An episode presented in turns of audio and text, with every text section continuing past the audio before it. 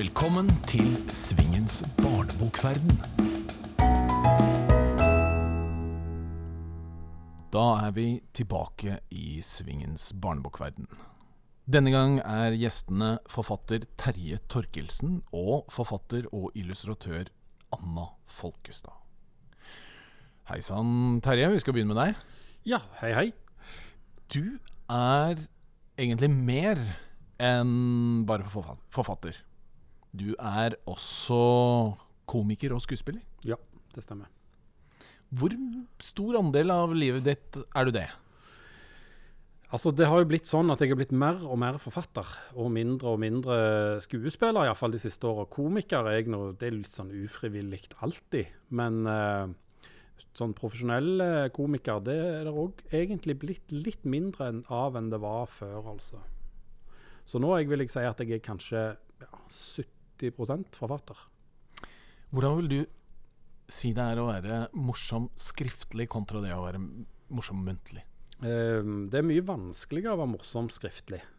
Fordi at eh, du har Altså, ei, et eh, papir, eller ei bokside, er en veldig sånn flat sjanger, kan man kanskje si. Hvis du skal være morsom på scenen, f.eks., så kan du jo bruke fakter og mimikk og gjøre til stemmen og bruke kostymer og løsnase og sånne ting. Eh, når du skriver en tekst, så eh, er du helt prisgitt at leseren skjønner sjøl det du har ville skulle være morsomt. Eh, så det er nok altså Det å formidle humor gjennom bøker er nok kanskje den vanskeligste måten å formidle humor på. Tror du det er grunnen til at det kommer relativt få humorbøker for barn? Det er i alle fall én av grunnene til det. Uh, jeg tror at det er en del andre grunner òg. fordi at hvis du ser uh, utenfor Norge, da, virker det iallfall som for meg, at så er det mer morsomme bøker enn det er i Norge. Kanskje fordi at uh, utlendingene har skjønt at hvis du skal selge mange bøker, så må de være morsomme. Har jeg tenkt. Men du har nå kommet med boka Humorboka. Ja. Fortell litt kort om bakgrunnen for at du har valgt å skrive om dette temaet. Utgangspunktet for den boka er faktisk en turné jeg hadde i Den kulturelle skolesekken, som begynte for mange år siden, 15 år siden eller noe sånt. Uh, der jeg rett og slett reiste rundt uh, med sånne humorworkshops på ungdomsskoler.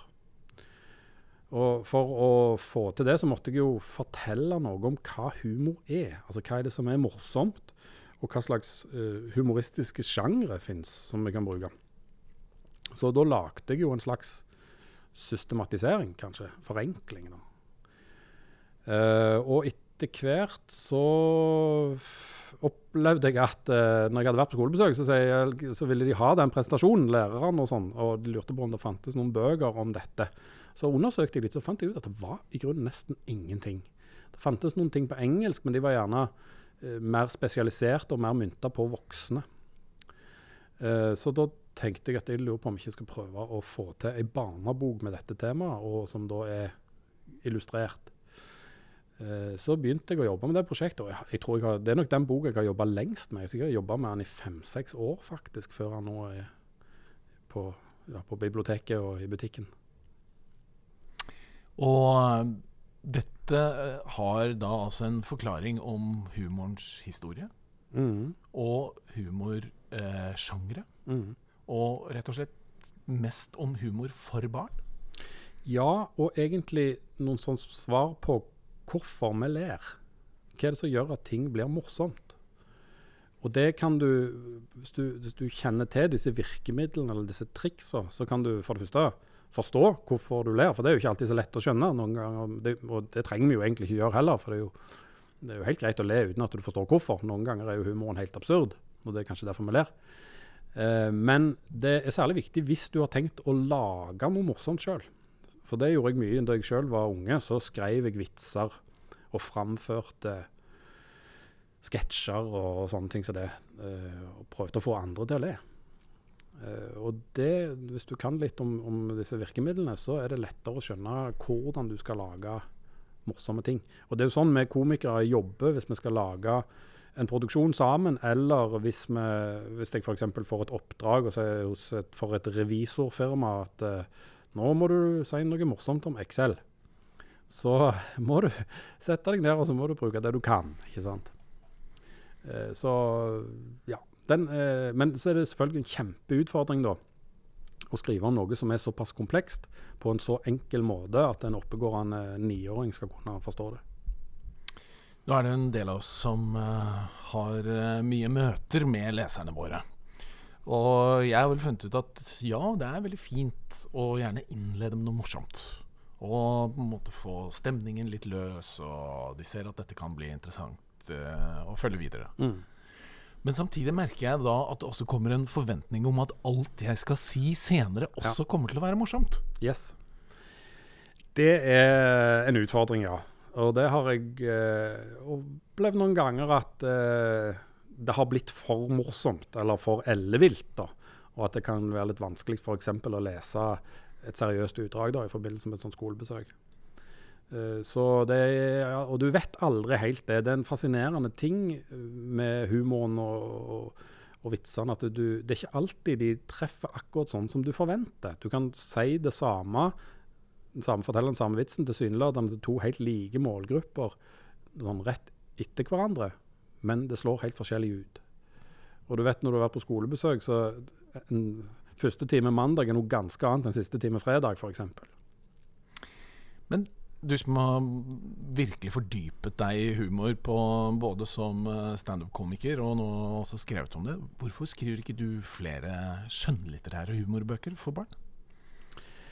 Hvorfor jeg ikke skriver flere skjønnlitterære humorbøker for barn, det er nok kanskje først og fremst fordi det er ganske vanskelig å få gitt det ut. Og særlig kanskje for meg som skriver nynorsk. Fordi at eh, når du skriver nynorsk, så har du ikke et så stort marked som hvis du skriver bokmål. Eh, sånn at det, det, er rett og slett eh, Jeg har jo opplevd det at jeg har skrevet forslag til morsomme eh, barnebøker, da, eller òg for ungdom, som rett og slett opplever at det er ikke verdt det. Det blir for mye pes og jobbing for å få gitt det ut. Da. Så Derfor er det mye lettere å smyge morsomme ting inn i alvorlige bøker. Men Hva vil du si er det vanskeligste med det å skrive humor for barn? Egentlig så er det ikke så veldig vanskelig å skrive humor for barn, vil jeg si. Men uh, det er noen premisser som må ligge i bånn. For at uh, en må på en måte tro på at dette kan bli morsomt. Og så er det sånn at uh, det er ikke noen fasit på hva som er morsomt. Og det er veldig situasjonsbestemt. Og det handler om timing og sånne ting. Så det, og du vet egentlig ikke om det funker før du ser at en leser sitter og ler uh, mens de leser det. Og det er Det tror jeg jeg diskuterte jeg faktisk med, med, redaktøren min i dag. Vi diskuterte liksom, en bok som er i sluttfasen, og han foreslo noen ting som skulle tas vekk. Så sa jeg at det kommer vi ikke til å ta vekk, for det er jo morsomt. Det er jeg enig i at det er unødvendig, men det er jo morsomt. Og det, det tror jeg rett og slett i sånne redaksjonelle prosesser sånn, lett for å ta vekk ting som er tull og tøys. Fordi at det å sitte og redigere et, et manus, det er en veldig alvorlig prosess. Jeg har lyst til å lese et sitat som jeg har funnet fram i denne sammenhengen. Det er forfatteren Somerset Wan som sier Få en leser til å le og han vil tro at du er en overfladisk fyr. Men kjed ham på den riktige måte, og ditt navn er sikret for ettertiden. Ja. Nei, men det er ganske Det er noe i det uh, at liksom det, det, tragiske, tragedien, det er kobla til finkultur. Komedien det er kobla til populærkultur. Uh, og det er noe annet. Det, det, skal liksom ikke inn på et skikkelig teater og, og sånne ting som det. Samtidig så vet vi jo at uh, humor er kjempeviktig for f.eks. å få unge til å ville lese bøker. Vi skal ikke slippe humoren helt ennå, fordi jeg har tenkt at uh, som en oppfølger til dette, så skal du få komme med anekdoten som jeg har bedt deg om til dette programmet. Ja, okay. Du vil det, ja. Ja, nei, Da tenkte jeg jeg skulle fortelle en anekdote som var som mer om, om liksom den virkelige forfatterklisjeen som egentlig ikke er så veldig morsom. Uh, det var en fortvila situasjon, egentlig. Uh, og det var når jeg skrev den uh, andre boka mi, som heter 'Dystopia 1', da, som første i Dystopia-serien. Den hadde jeg egentlig ikke tid til å skrive. Og det var en helt sånn ufattelig vanskelig arbeidssituasjon. Fordi at jeg eh, hadde da nettopp fått eh, et barn som var baby, og som skreik og hylte og var vanskelig å få til å sove. Og jeg måtte òg da pusse opp et hus eh, for å få plass til alle disse ungene seg etter hvert. Jeg driver som blondinefabrikk i tillegg til alt annet. Eh, og så måtte jeg da sette meg Og dette huset mitt som jeg skulle pusse opp, et halvt overmål fra 1800-tallet. Så det er veldig skeivt og gammelt og ingenting eh, sånn som det skal være. Så fant jeg meg et rom som var bare et sånt bartrom som jeg eh, satt og rigga til PC-en på. Problemet der var at gulvet var så veldig skeivt. Uh, og jeg hadde kontorstol med hjul, så jeg drev hele veien og rant vekk fra laptopen som jeg skulle skrive på. Uh, og jeg måtte da ommøblere hele rommet for å sørge for at kontorstolen rant inn mot tastaturet og skjermen. Og når jeg endelig hadde fått dette til å virke, så kom det ei rotte inn på kontoret og begynte å gnage på det som var møblement. Så da tenkte jeg ja, hvis jeg ikke nå er forfatter, så er ingen forfatter, altså. ja, for nå skal vi jo da over på noe litt mer eh, alvorlig. Fordi eh, dine eh, skjønnlitterære bøker så har det jo eh, vært eh, mye dystopier og en god del alvor. Du debuterte jo altså med Marki Marco i 2008. Og der vet jeg du brukte Hadde noen konsulenter? Ja. Eh, jeg hadde, jeg har en litt spesiell årsak til at jeg begynte å skrive bøker i det hele tatt. Jeg er ikke sånn som mange andre som har tenkt at liksom, forfatter, det skal jeg bli. Det var en tilfeldighet, egentlig som, eh, med en diskusjon med en lærer som uh, Vi diskuterte lesing og diverse. så Der hun spurte, kanskje spurte meg om jeg ikke kunne skrive ei bok som de kunne bruke på, på skolen. Ungdomsskolelærer i norsken. For særlig på nynorsk var det vanskelig å, å finne noe som uh, hun syntes liksom fengte elevene. Så jeg det er jo lett, det kan jeg selvfølgelig gjøre. Men det var egentlig ment som en spøk, da. Men så gikk jeg hjem og så tenkte jeg på det hvis jeg skal lage verdens beste roman for ungdom på nynorsk, altså hvordan skal den være? Og da skjønte jeg jo at det vet jo ikke jeg, for jeg er jo en voksen mann. Så jeg må jo finne ut dette, og finne ut hva kidsa egentlig vil lese. Så da satte jeg i gang et prosjekt med en skole i Stavanger som heter Sankt Svithun. Der tiendeklassingene, alle tiendeklassingene på den skolen fikk utdelt de første kapitlene til den romanen. Skulle de lese, diskutere i grupper, og så skulle de sende meg en mail og si hva de syns. Og på den måten skulle jeg finne ut hva de likte og ikke likte.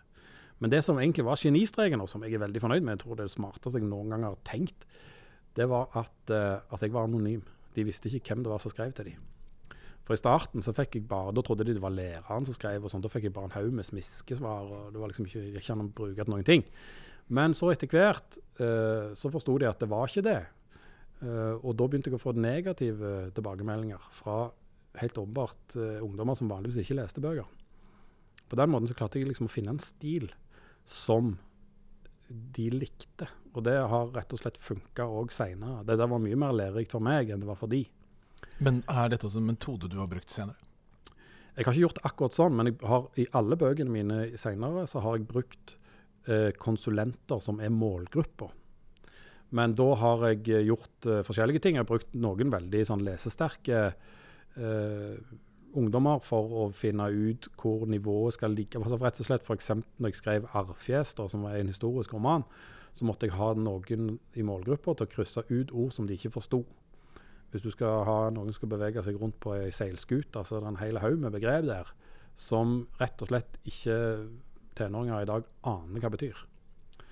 Samtidig så kan du ikke la være å bruke de begrepene, for da flår kritikerne deg fordi at du er historisk ukorrekt. og sånn, Så det, det var en utfordring der. Uh, jeg òg, I humorboka så brukte jeg eh, den da ni år gamle nevøen min.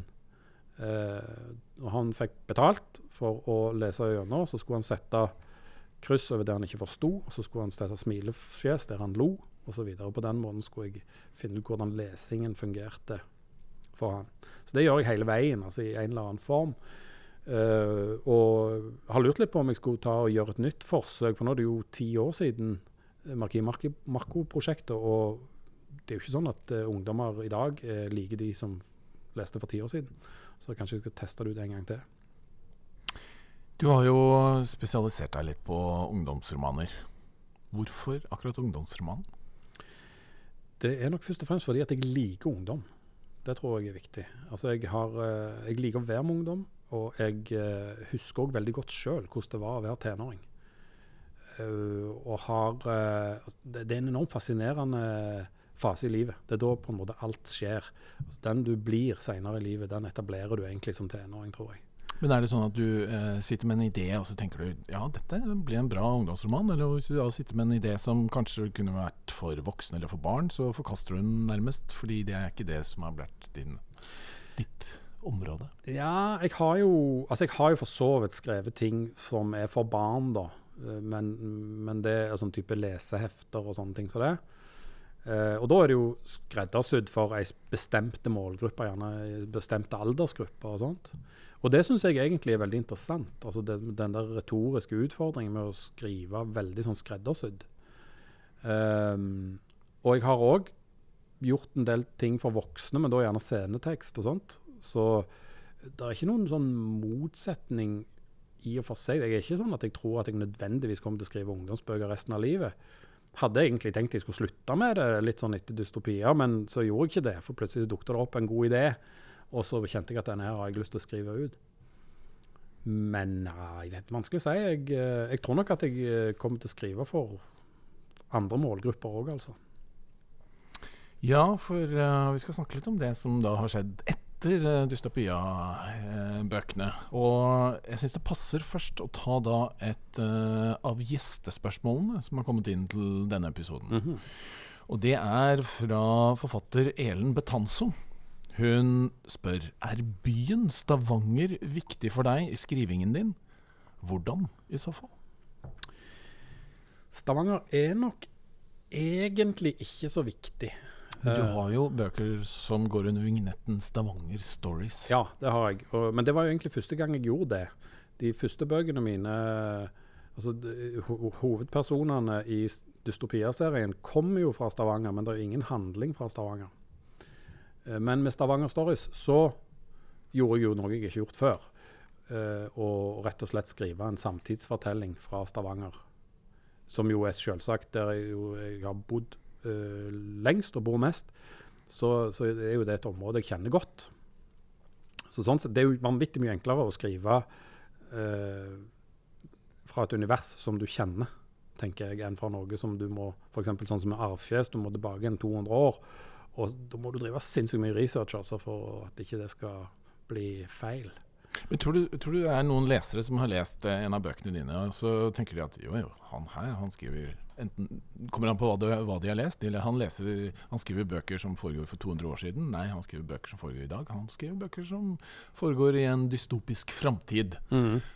Forvirrer du eh, leserne litt, som mm, det kan, nei, det tror jeg ikke. Uh, men det, det, er klart de er litt altså, De er veldig forskjellige sånn sett. Sånn, de, de, kan se veldig forskjellige ut, disse bøkene. Men det som er felles, det er at det, det stilen er lik. Altså for, fortellerstilen er lik. Uh, og, og, veldig mye som er likt, egentlig. Uh, poetikken, på en måte, er den samme. Men uh, Og det er for så vidt noe jeg har tenkt jeg skal gjøre òg med ungdomsbøkene. Jeg skal teste ut forskjellige sjangre og format. Og det tror jeg handler litt om at jeg er ikke så veldig flink til å gjøre ting jeg har gjort før. Er ganske rastløs og har liksom lyst til å prøve ut ting som jeg ikke kan.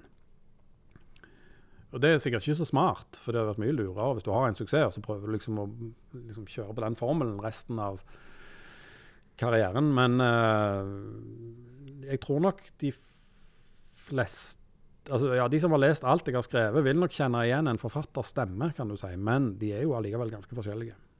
Ja, for du snakket litt om at du har en stil mm. eh, når du skriver. Også samtidig så har du jo eh, en gang sagt at ungdom ikke liker saktegående, trege partier. Ja.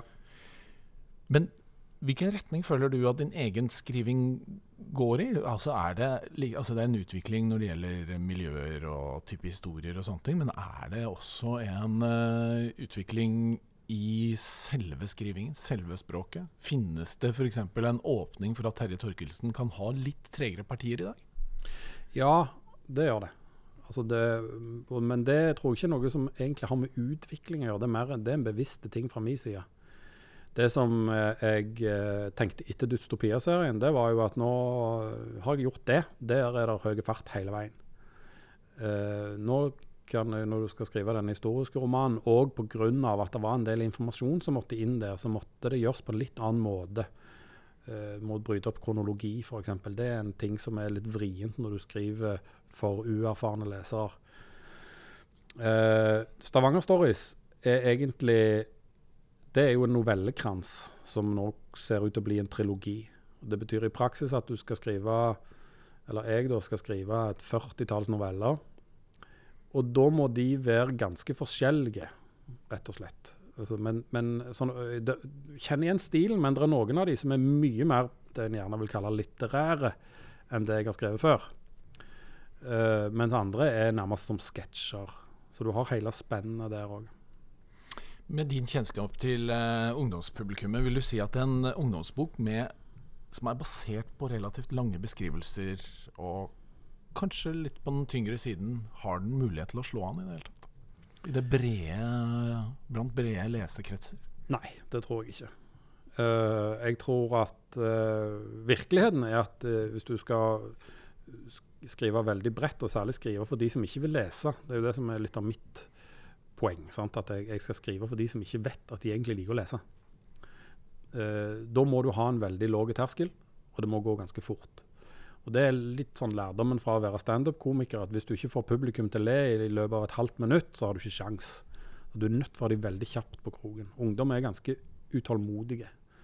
Eh, men når det er sagt, så, betyr, så er det jo veldig mange eh, ungdommer som liker å lese mye, og som setter pris på fordypning og, og det at ting går sakte, og at det er mye kjensler og eh, sånne ting. Så, så det, det, en kan jo ha et veldig stort publikum, selv om en ikke nødvendigvis når alle.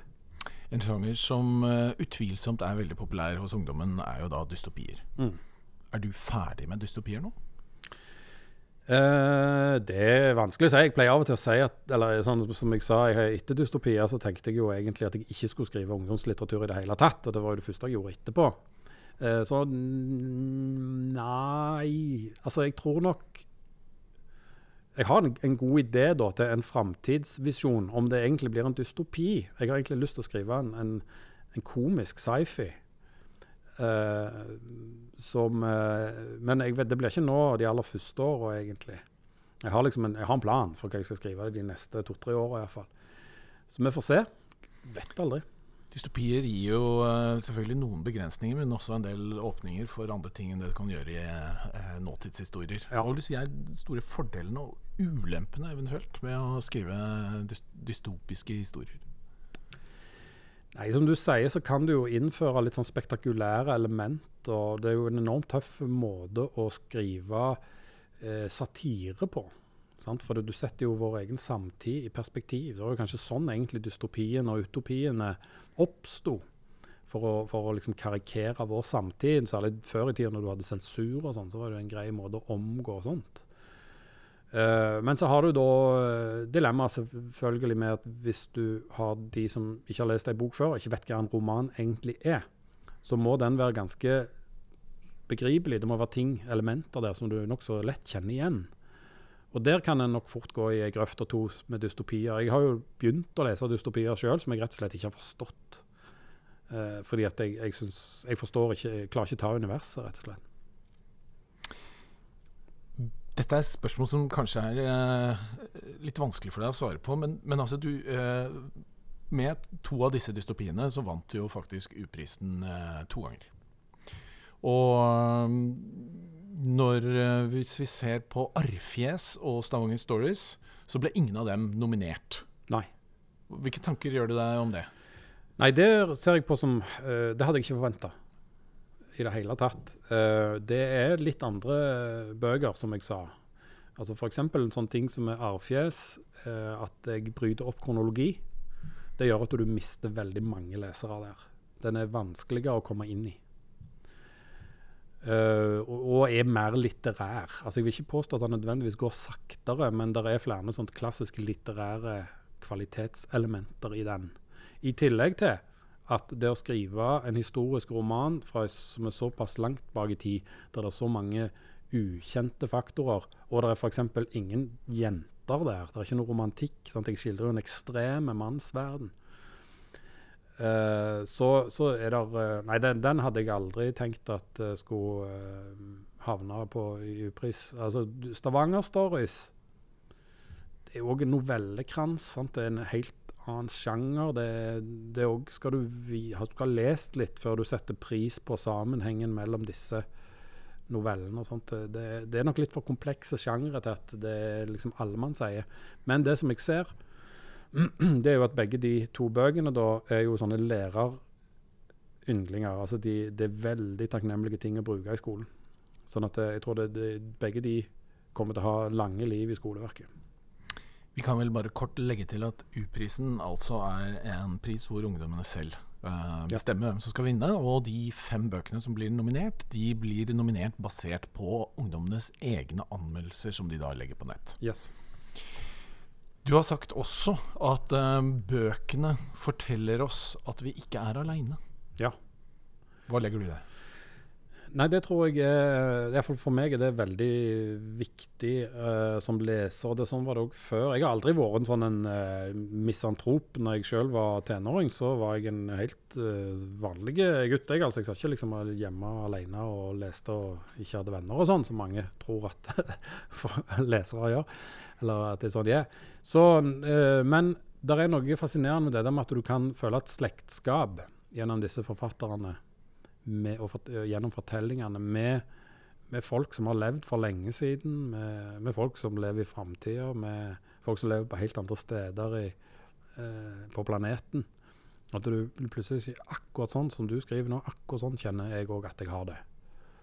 Uh, det tror jeg er, det er, en veldig veldig viktig funksjon som litteraturen har, særlig for unge lesere. Fordi at i disse tenåra så forandrer vi oss noe voldsomt. ikke sant? Du, de der som du syns var kanonkule å henge ut med når du er ikke i femte klasse, de er ikke det nødvendigvis i niende.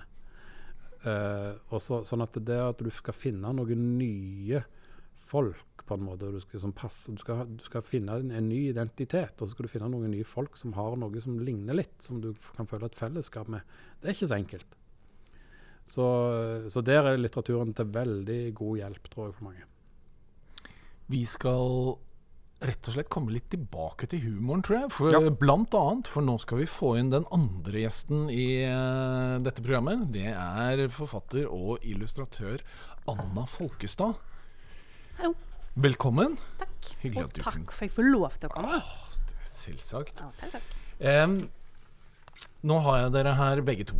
Og kunne du, Anna, noen ganger bevegde deg over i en dystopi på noen som helst måte? Og kunne du, Terje, eh, noen som på noe som helst tidspunkt skrevet eh, skal vi si høytlesningsbøker eh, som var humor, eh, og for barnehagebarn? Tror vi skal begynne med deg, Anna. Um, kanskje Altså, jeg liker veldig godt å lese, da. Det jeg leser mest, er jo ungdomsbøker. Eh, fantasy og dystopi ja, sånne bøker. Um, jeg har lyst å skrive langt. Ikke spesielt god på det, men uh, har et uh, brennende ønske inni meg om å få det til. Men skriver bitte litt, og så blir det drit. Så da bare forholder jeg meg til det første lille, og så utvikler jeg den ideen, da. Så blir det hele ideen. Var ikke lurt? Bare litt, og så blir det en hel idé. Mm. Hva med deg og korte bildebøker? Det jeg iallfall kan si, det er at jeg aldri kommer til å bli illustratør. Det, jeg er helt åndssvakt dårlig å tegne. Altså, hvis jeg prøver å tegne liksom, huset mitt hjemme, så ser det ut som en dredunge som har gjort det. Så det kommer jeg aldri til å gjøre. Men det å skrive eh, altså nå Med humorboka så er det første gang at jeg har hatt en illustratør, eller jobba med en illustratør som, som, tett på et bokprosjekt. Og Det syns jeg er veldig interessant og kjekt. Så det kunne jeg for så vidt godt tenkt meg å gjort igjen. Vi kan kanskje nevne hvem illustratøren er? Ja, Sindre Goksør. Mm -hmm. Kjempeløgn. Eh, så jeg eh, det, det, var veldig kjekt. Så det kunne jeg godt tenkt meg å gjort igjen. Og så er det jo da altså Hvis vi har et felles prosjekt altså Jeg liker generelt godt å samarbeide med folk. Sånn, det, det, er jeg jo vant med å gjøre.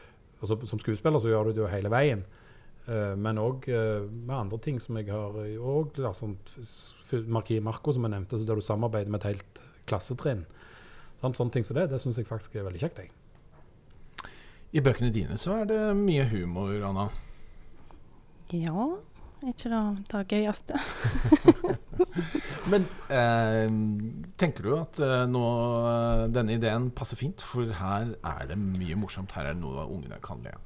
Em, ja, altså Eller mine ideer, sånn som jeg når jeg kommer opp en idé, så er det egentlig en slags liten tegnefilm oppi hodet. Eh, og så må jeg bare tegne ned det som skjer. Da. Så det er liksom egentlig en slags animasjons... Så det er litt sånn slapstick egentlig, men det er litt vanskelig å snuble i ei bok. Altså, det går jo an å snuble i ei bok, men altså Ja. Så det er litt sånn Det er litt sånn humor. Og jeg, og jeg har lyst til at de skal lese. Jeg har lyst til at det, ungene skal ha lyst til å lese. Når de har lest ei bok, så har jeg lyst til at de skal lese ei bok til. Og det må ikke være meg, det var ikke sånn. Men skjønner du at eh, jeg har lyst til å skape leseglede, da. Det er liksom det som jeg har tatt på meg som jobb for øyeblikket. Mm. Vi får jo inn eh, gjestespørsmål, og jeg har et som er felles til dere begge. Oi. Og det kommer fra forfatter Ellen Fjestad. Mm. Hva har du lært om skriving fra bøkene du har skrevet? Og hvordan lærte du det? Jeg tenker på helt konkrete ting som dramaturgiske grep, hvordan utvikle karakterer og lignende. Jeg syns det er et ganske bredt uh, spørsmål. Det er mange muligheter. Men, men så, så jeg gir uh, for så vidt ordet fritt. Hva, hva har dere lært? Altså, jeg er jo egentlig Jeg har jo gått sykt lenge på skolen.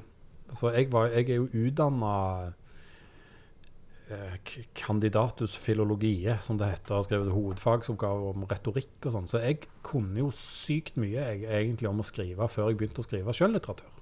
Så for meg har det faktisk det å skrive for ungdom har egentlig snarere vært en slags avlæring. Et forsøk på å glemme veldig mye av det jeg har lært, og heller prøve å finne ut på ny hvordan jeg egentlig skal skrive for at leserne liker det jeg skriver. Så jeg, ja, det har egentlig vært viktigere for meg enn det som jeg på en måte hadde lest meg til før.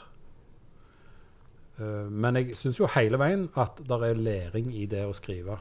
Var, jeg hørte en eh, professor en gang, som en professor i sagprosa, som sa at skriving er tenketeknologi. Du, du, det er en enormt Det er en åpenbar sammenheng mellom skriving og tenking. Så det å, ofte når jeg, Hvis jeg står fast for eksempel, på et eller annet, så er det det å begynne å skrive en god ting, for da skriver du deg inn i en klarere tanke. Hva med deg, Anna? Det var bra svar. jeg har jo på ingen måte lært noen ting om skriving.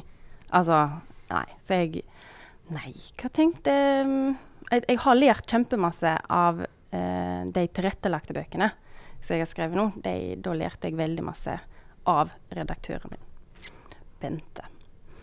Eh, bare helt eh, Og av ungene mine som måtte lese disse. Altså for eh, de får jo lese bøkene, og da sto det sånn eh, Først så det 'beste har tannverk'. Og da spurte hun bare 'ja, men hva er tannverk?' Så skrev jeg 'OK, best å ha vondt i tanna'. Og jeg sier ikke at det, de ikke skal lære noen nye ord, men alle ordene kan ikke være vanskelige. Så det må være noen vanskelige ord, men du skal skjønne hva som står der. Og helt konkret at det er lettere å lese en setning med litt korte ord enn å lese 'Hei', sier Per. 'Tjoho', sier Trine. Altså det er lettere å lese en setning enn å lese bare ord er dialog, da. Litt sånne ting. Det er helt konkret, har jeg lært.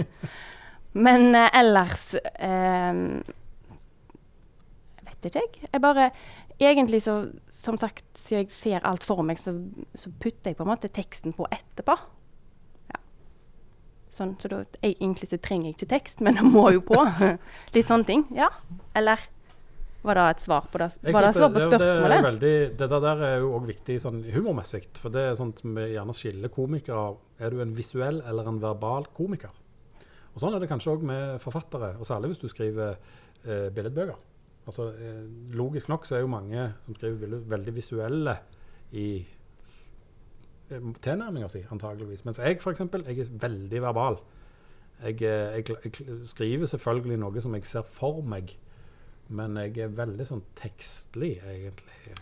Nå ser jo ikke lytterne dette, men uh, nå sitter altså uh, du og jeg her i helsvart omtrent. Og så har vi da en uh, Anna, en Fargerik, eh. fargerik illustratør.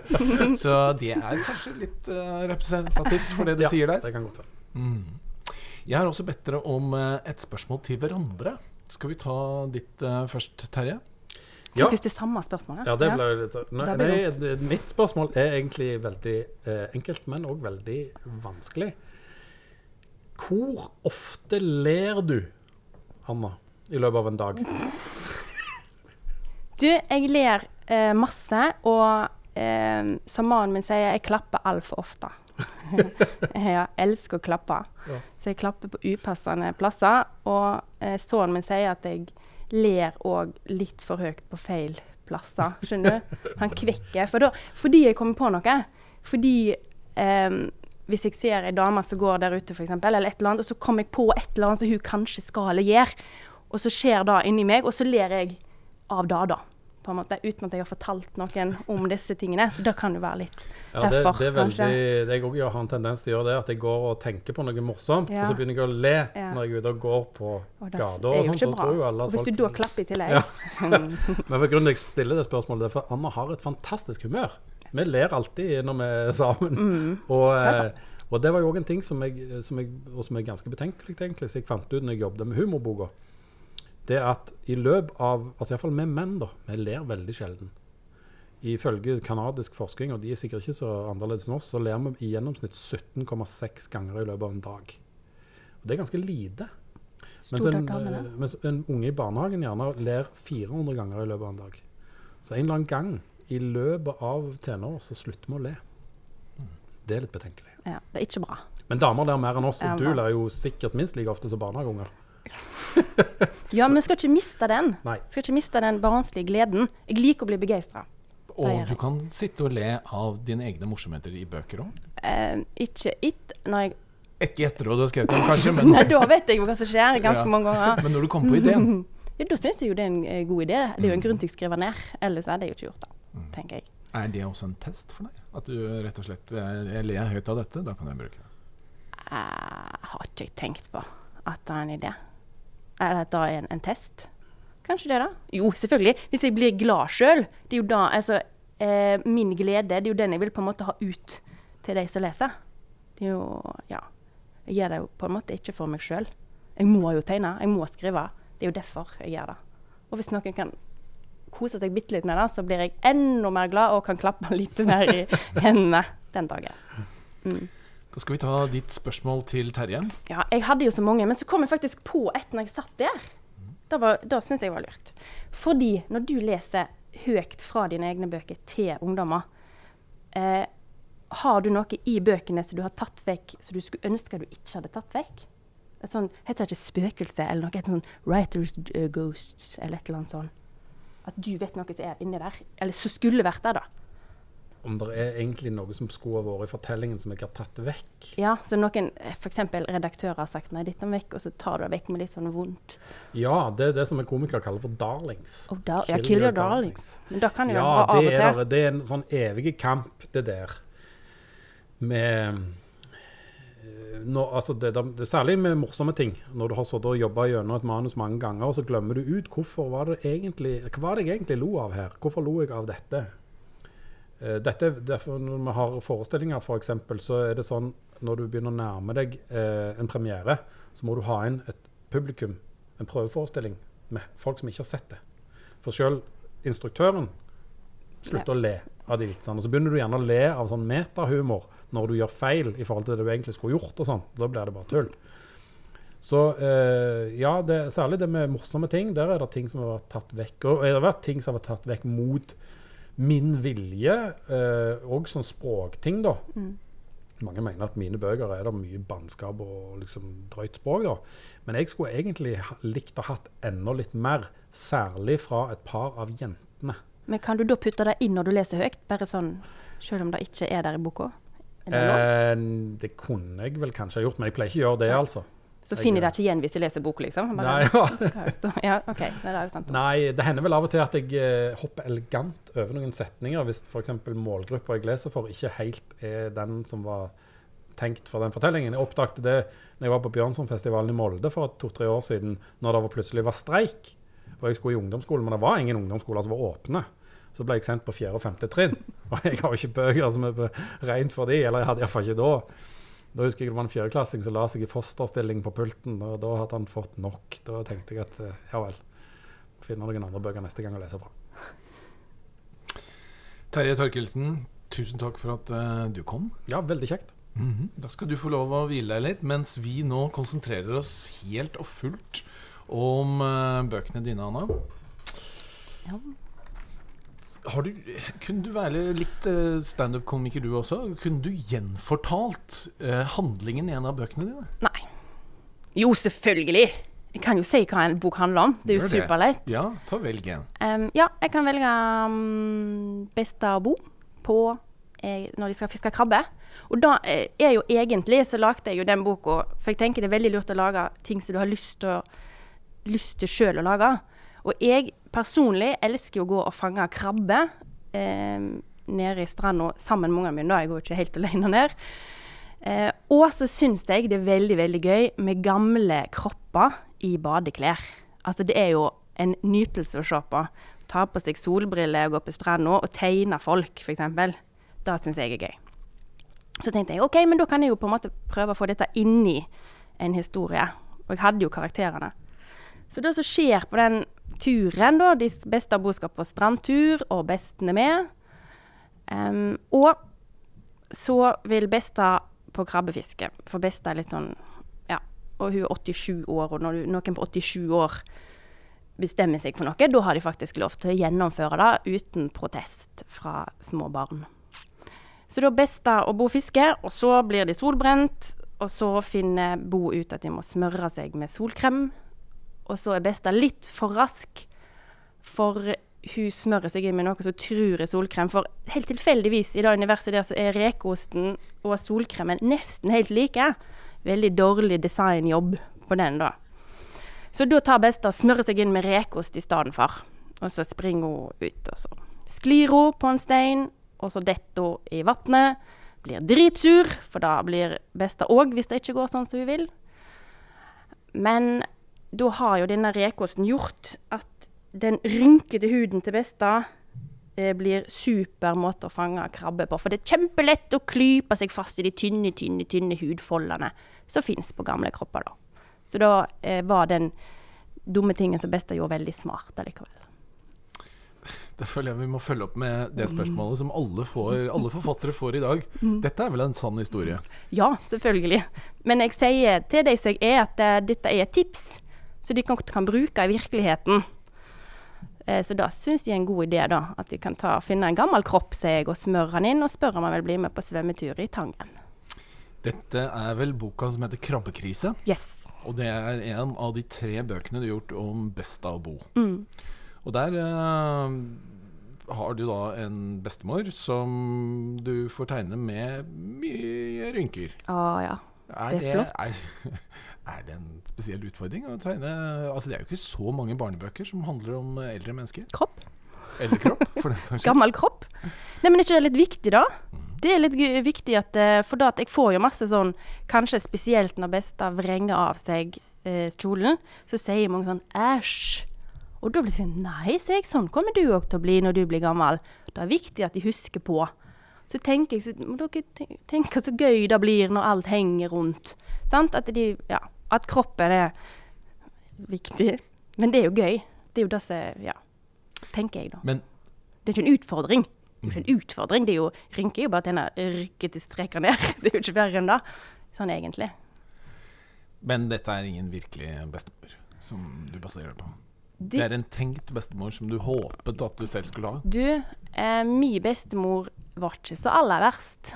Um, hun var typen som eh, Jeg kan jo fortelle hvis jeg var på overnatting, f.eks., så uh, våkna vi sånn litt, eller vi hadde ikke sovna helt, så sier 'Har du sovna?' Så jeg 'Nei, jeg har ikke sovna'. OK, men da går vi ned på Essen og kjøper godteri.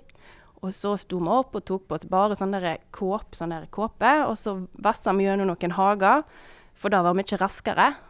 Og så kjøpte vi godteri på Esson. Og da tenker jeg det må jo ha sett helt rart ut for Esso-folkene, da.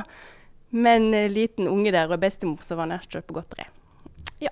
Og så var hun den typen som mm, når vi skulle komme på besøk, da plutselig lå bak en busk. For da hadde hun kommet på Rolten, som da var at eh, hun skulle male gjerdet sitt på si side.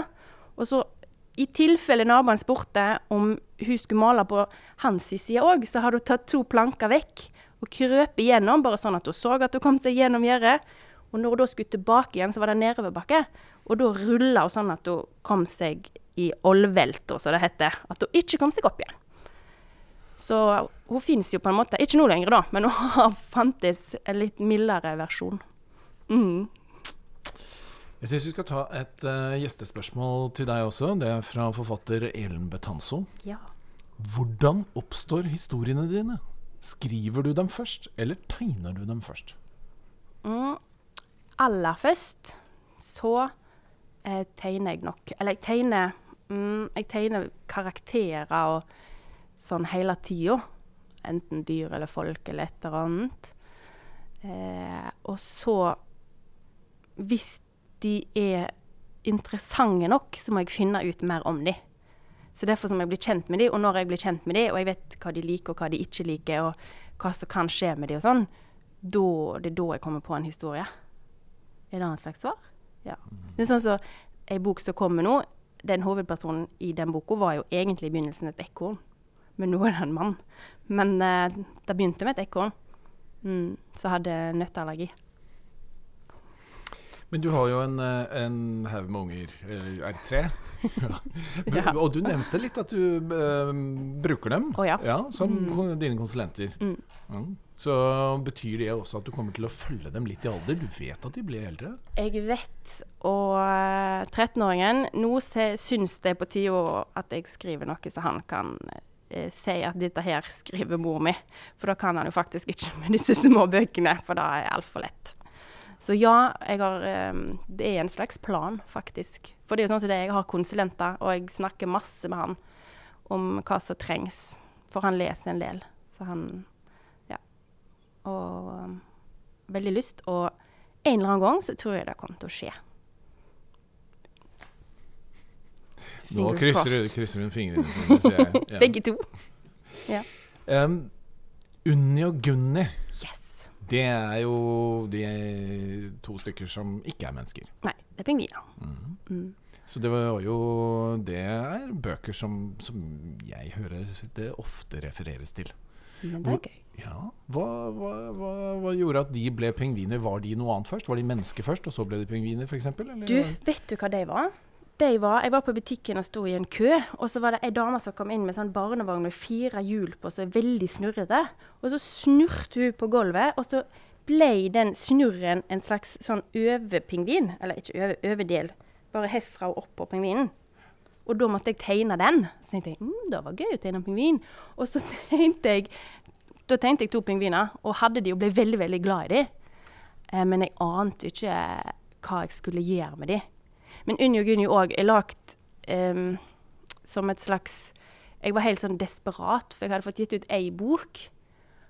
Og så var det sånn Å, men jeg kan ikke få gitt ut ei bok. Skjønner du? Jeg har lyst til å gi ei bok. Da er det jo liksom Det er jo liksom Joho, fått gitt ut ei bok. Men da blir det sånn Ei bok? Skjønner du? Det må liksom bli mer. Det er derfor Unni og Gunni gir tre bøker. For jeg fikk helt sånn Tenk hvis det bare blir Unni og Gunni, da. Da kan jeg iallfall lage tre bøker om dem. Sånn at jeg iallfall har lagt fire bøker, hvis det skal slutte her. Så litt sånn angstprosjekt med, med, tre. Men har du fortsatt den angsten at uh, plutselig tar det slutt? Ja, hele tida. Mm, hele tiden. Mm. Mm. For det har jo blitt noen bøker nå. Ja. Og for... to av dem er jo serier. Ja, sant. Men er det også Altså, vi vet jo at barn liker, liker din en bok, så vil de gjerne ha flere. Så de mm. liker jo serier. Mm. Var det også en drivkraft for å lage f.eks. Bo og Besta til uh, det var vel faktisk eh, Ragnfri som spurte meg om jeg hadde lyst til å prøve å skrive for leseland. Du snakker om en som er redaktør ja, Ragnfri Trohaug. På, ja. Samlaget. Mm. Ja. Eh, hun kom og spurte om jeg hadde lyst til å skrive da når de skulle satse på leseland. Eh, så da Jeg brukte nesten ett år på å finne best å bo. Og det var litt på grunn av at jeg faktisk jo bare hadde tegnet and og fugler. og så ville de veldig gjerne at det skulle handle om noen folk. Og så måtte jeg da finne ut hvem disse folkene var. og sånn da. Mm. Så jeg brukte kjempelang tid. Så det er noe av det som jeg viser til ungene når jeg er ute og leker, leker med de òg. Ja, mm. ute og leser. Så viser jeg hvordan jeg har jobba for å finne karakterene og sånne ting. da. Litt hvordan jeg jobber med boka. For boka er jo så utrolig kort at jeg fyller jo ikke 45 minutter med de to bøkene der, for å si det sånn. Så jeg må ha, gjøre litt andre ting. Du tegner kanskje litt live òg? Jeg en tegner ja, og da- fordel som dere illustratører har. ja. Og det er faktisk nesten det gøyeste med å være ute. Fordi at jeg vet jo på en måte hva jeg skal si, og jeg vet jo hva jeg skal lese. Men jeg aner ikke hva de kommer til å si at jeg skal tegne. Og det er veldig, veldig gøy. Og kanskje får jeg det til, og kanskje får jeg det ikke til. Og hvis jeg ikke får det til, så tenkte jeg ja ja, da lærte de at alt går ikke helt perfekt alltid. Så det er jo litt sånn Jeg tenker de lærer nok uansett, jeg. Om det går ikke bra eller bra. Du skriver bildebøker som, som, som utvilsomt treffer uh, ungene. Mm. Fordi uh, du skriver uh, bøker som egner seg for eh, barnehagebarn og de første skoleårene. Ja. Eh, men hva er ditt forhold til uh, bildebøker som kanskje mer er til for kunstens del? Å, da eh, Jeg liker det veldig godt. Jeg har sånne, Noen bøker har jeg. Eh, hvis du leser de, så får du sånn eh, vond klump i magen, som er en positiv ting. Jeg vet ikke, jeg har litt med bildebøker. Jeg elsker bildebøker. Det er som, som drops. Det er det jeg kjøper. Det er det jeg ikke låner på biblioteket. Det er bildebøker. For det vil jeg ha, for de skal være mine, og jeg skal kunne sitte og kose meg og se de. Og jeg mener at flere voksne bør bare lese bildebøker, for de er så fine. Sånn. Eh, men jeg har òg en slags eh, følelse av Av og til så Jeg vet ikke. Jeg føler jeg kjenner når eh, ideen fra denne billedboka har kommet innentil. At billedboka er meint at noen har virkelig Se på dette her, sånn, dette her mener jeg virkelig. Og når det, kom, når det er billedbok som på en måte er lagd for at dette skal være en billedbok som skal være litt sånn kunstnerisk. Skjønner du forskjellen? Litt sånn mening kommer sånn utenfra. Så den innante, den liker jeg veldig godt. De bøkene som kommer innante. Ja. Så jeg elsker billedbøker. det var svaret mitt. Jeg elsker billedbøker. Men kunne du selv gjort en eh, bildebok som eh, hvor du hadde tenkt at «Åh, her blir det vanskelig å treffe ungene, men jeg har likevel lyst til å gjøre den? Um, jeg har Nei, det er vel den boka jeg ikke får til, da. Sikkert. For jeg har en nydelig fin idé, nydelig, nydelig. Og så, men så får jeg den ikke til å bli sånn som jeg vil. Så det er sikkert derfor at kanskje jeg ikke har den em, For det er det jeg vil. Jeg vil at det skal treffe ungene. For det er de som er primærleserne mine, da. Ja, for vi var jo litt inne på det. Du har jo vært flink til å beholde barn i deg. Mm. Fordi vi vet jo at uh, forfattertyper er uh, alle mulige karakterer, også de som skriver for uh, barn og ungdom. Mm. Men så er det en liten del av dem som jeg mener hele tiden er veldig flinke til å være på barns Skal vi si høyde. Eh, Ja, jeg er jo ganske lav. Sånn er. Ja, det var ikke det jeg tenkte på. Nei da, jeg måtte på- det. Unnskyld. Mm. Mm. Så mm, det er vel en fordel. Ja, um, fordi det Det er Jeg vet ikke. Det er jo som sagt, jeg sa jeg liker å bli begeistra. Og det er jo ingen som blir så begeistra som unger. Det skal veldig lite til. Og jeg har Jeg har veldig stor respekt for de som skal lære seg å lese òg. Jeg blir litt sånn Jeg blir litt irritert uh, hvis jeg ser litt sånn Det har blitt sånn uten, utenfra-bøker, da. Uh, fordi de skal, altså det er det viktigste de lærer seg i livet sitt, det er å lese. Og da skal ikke jeg liksom ta lett på den oppgaven. Jeg skal Hvis noen vet hvor masse noen strever og sliter med dette her, så ja. Og hvis jeg kan få lov til å være med og lage det bitte litt gøyere, så, um, så er jeg veldig glad for det. Så ja, det hjelper seg sikkert hjelper å være der nede. Sammen med de og eh, undre seg og glede seg over de tingene som de ser og ikke, er interessert i, kanskje. da. Men det er kanskje gøy å Det er det som er gøy med, med Besta, er at hun er gammel, men oppfører seg som en unge. Det er jo da, det jo da ungene syns er gøy, på en måte, når voksne blir Ja. For de, de har jo ikke sett det før. Eller noen mente de hadde sittet Sittet sitte gammel dame, sprang nedover veien og ropte at hun ikke ville til tannlegen. Så tenkte jeg ja, da var det en fin plass å bo. Hvis de gamle kunne være så oppegående og kan springe rundt. Jeg vet at du har eh, vært på din eh, computer, og du har googlet ordet anekdote. Så nå er jeg spent på hva som kom ut av det. Ja, da er jeg òg, for jeg var veldig usikker. Um, jeg lurte om jeg skulle ta noe litt Jeg må ta noe litt trist og vondt. For da er, liker jeg òg på en måte. Jeg liker å opp, ikke oppleve sånn vonde ting, men det er litt sånn Gud, dette her var jo helt utrolig pinlig og vondt. Og så må du bare stå i det, og så etterpå så var det fremdeles faktisk helt grusomt. Men du har vært gjennom det. Jeg liker litt sånn så Av og til så leser jeg til voksne folk, eh, og når jeg da spør dem om de vil svare på noe, så venter jeg helt til noen svarer. Og den tida der tenker jeg nå har dere det litt vondt, for de tror at jeg har det vondt, så står det framme. Sånne ting liker jeg. Men det var ikke noe anekdote. Nå skal, tror jeg. Nei da. Du, jeg skal fortelle om Jeg skulle eh, opp og lese en plass. De skulle ha sånn lørdag der Unni og Gunni skulle være eh, liksom representert, og ganske voldsomt. Og da var en av de første gangene jeg skulle lese Unni og Gunni, og det var bare kommet to bøker, så jeg hadde to bøker. Og de hadde lagt De hadde lagt det så nydelig på den scenen. De hadde lagt hvitt sånn tynt stoff på hele. De hadde hengt det opp så hele alt skulle bli sånn is, island. Og de hadde lagt iglo, og av isopor, altså som var like høy som meg. De hadde funnet fram malingsspann med alle fargene, de hadde steg og de hadde gardiner. De hadde liksom, dette her måtte ha tatt minst ei uke å lagt tenkte jeg jøss, dette var flott. Så hadde jeg tatt på meg pingvinkjolen min, for jeg har en undergunni og pingvinkjole. Og så presenterte hun liksom hun introduksjonsdama, da. Har brukte sånn cirka kanskje ti minutter på å si hva vi skulle gjøre denne dagen, og litt sånn forskjellig. Så skulle jeg på. Uten å faktisk ha lest disse bøkene til noen som helst publikum før. Og her var publikum fra to til åtte cirka. Og jeg leste de to bøkene mine, og det hadde gått sånn ca. fem minutter. Og da var jeg ferdig. Så da Det var folk som hadde betalt 50 kroner for å komme inn, og jeg sto der. Og da var jeg sånn fysisk uvel. Jeg bare Hun brukte ti minutter. Jeg som liksom skal være hovedprogrammet, har brukt fem minutter. Eh, Det, det er ikke ferdig før om en halvtime. Så da gjorde jeg Da var jeg uvel. Fryktelig, fryktelig uvel. Og så sa jeg nå bare lukker alle igjen øynene sine. Og så bare bledde jeg full fart tilbake igjen, den siste boka. Og så leser vi den siste boka en gang til, sa jeg. Mens toåringene var jo veldig fornøyd, og de på åtte bare Ja, de kunne jo ingenting. Men det var en veldig vond ting. Så veldig fin å oppleve, for det blir faktisk ikke verre enn det.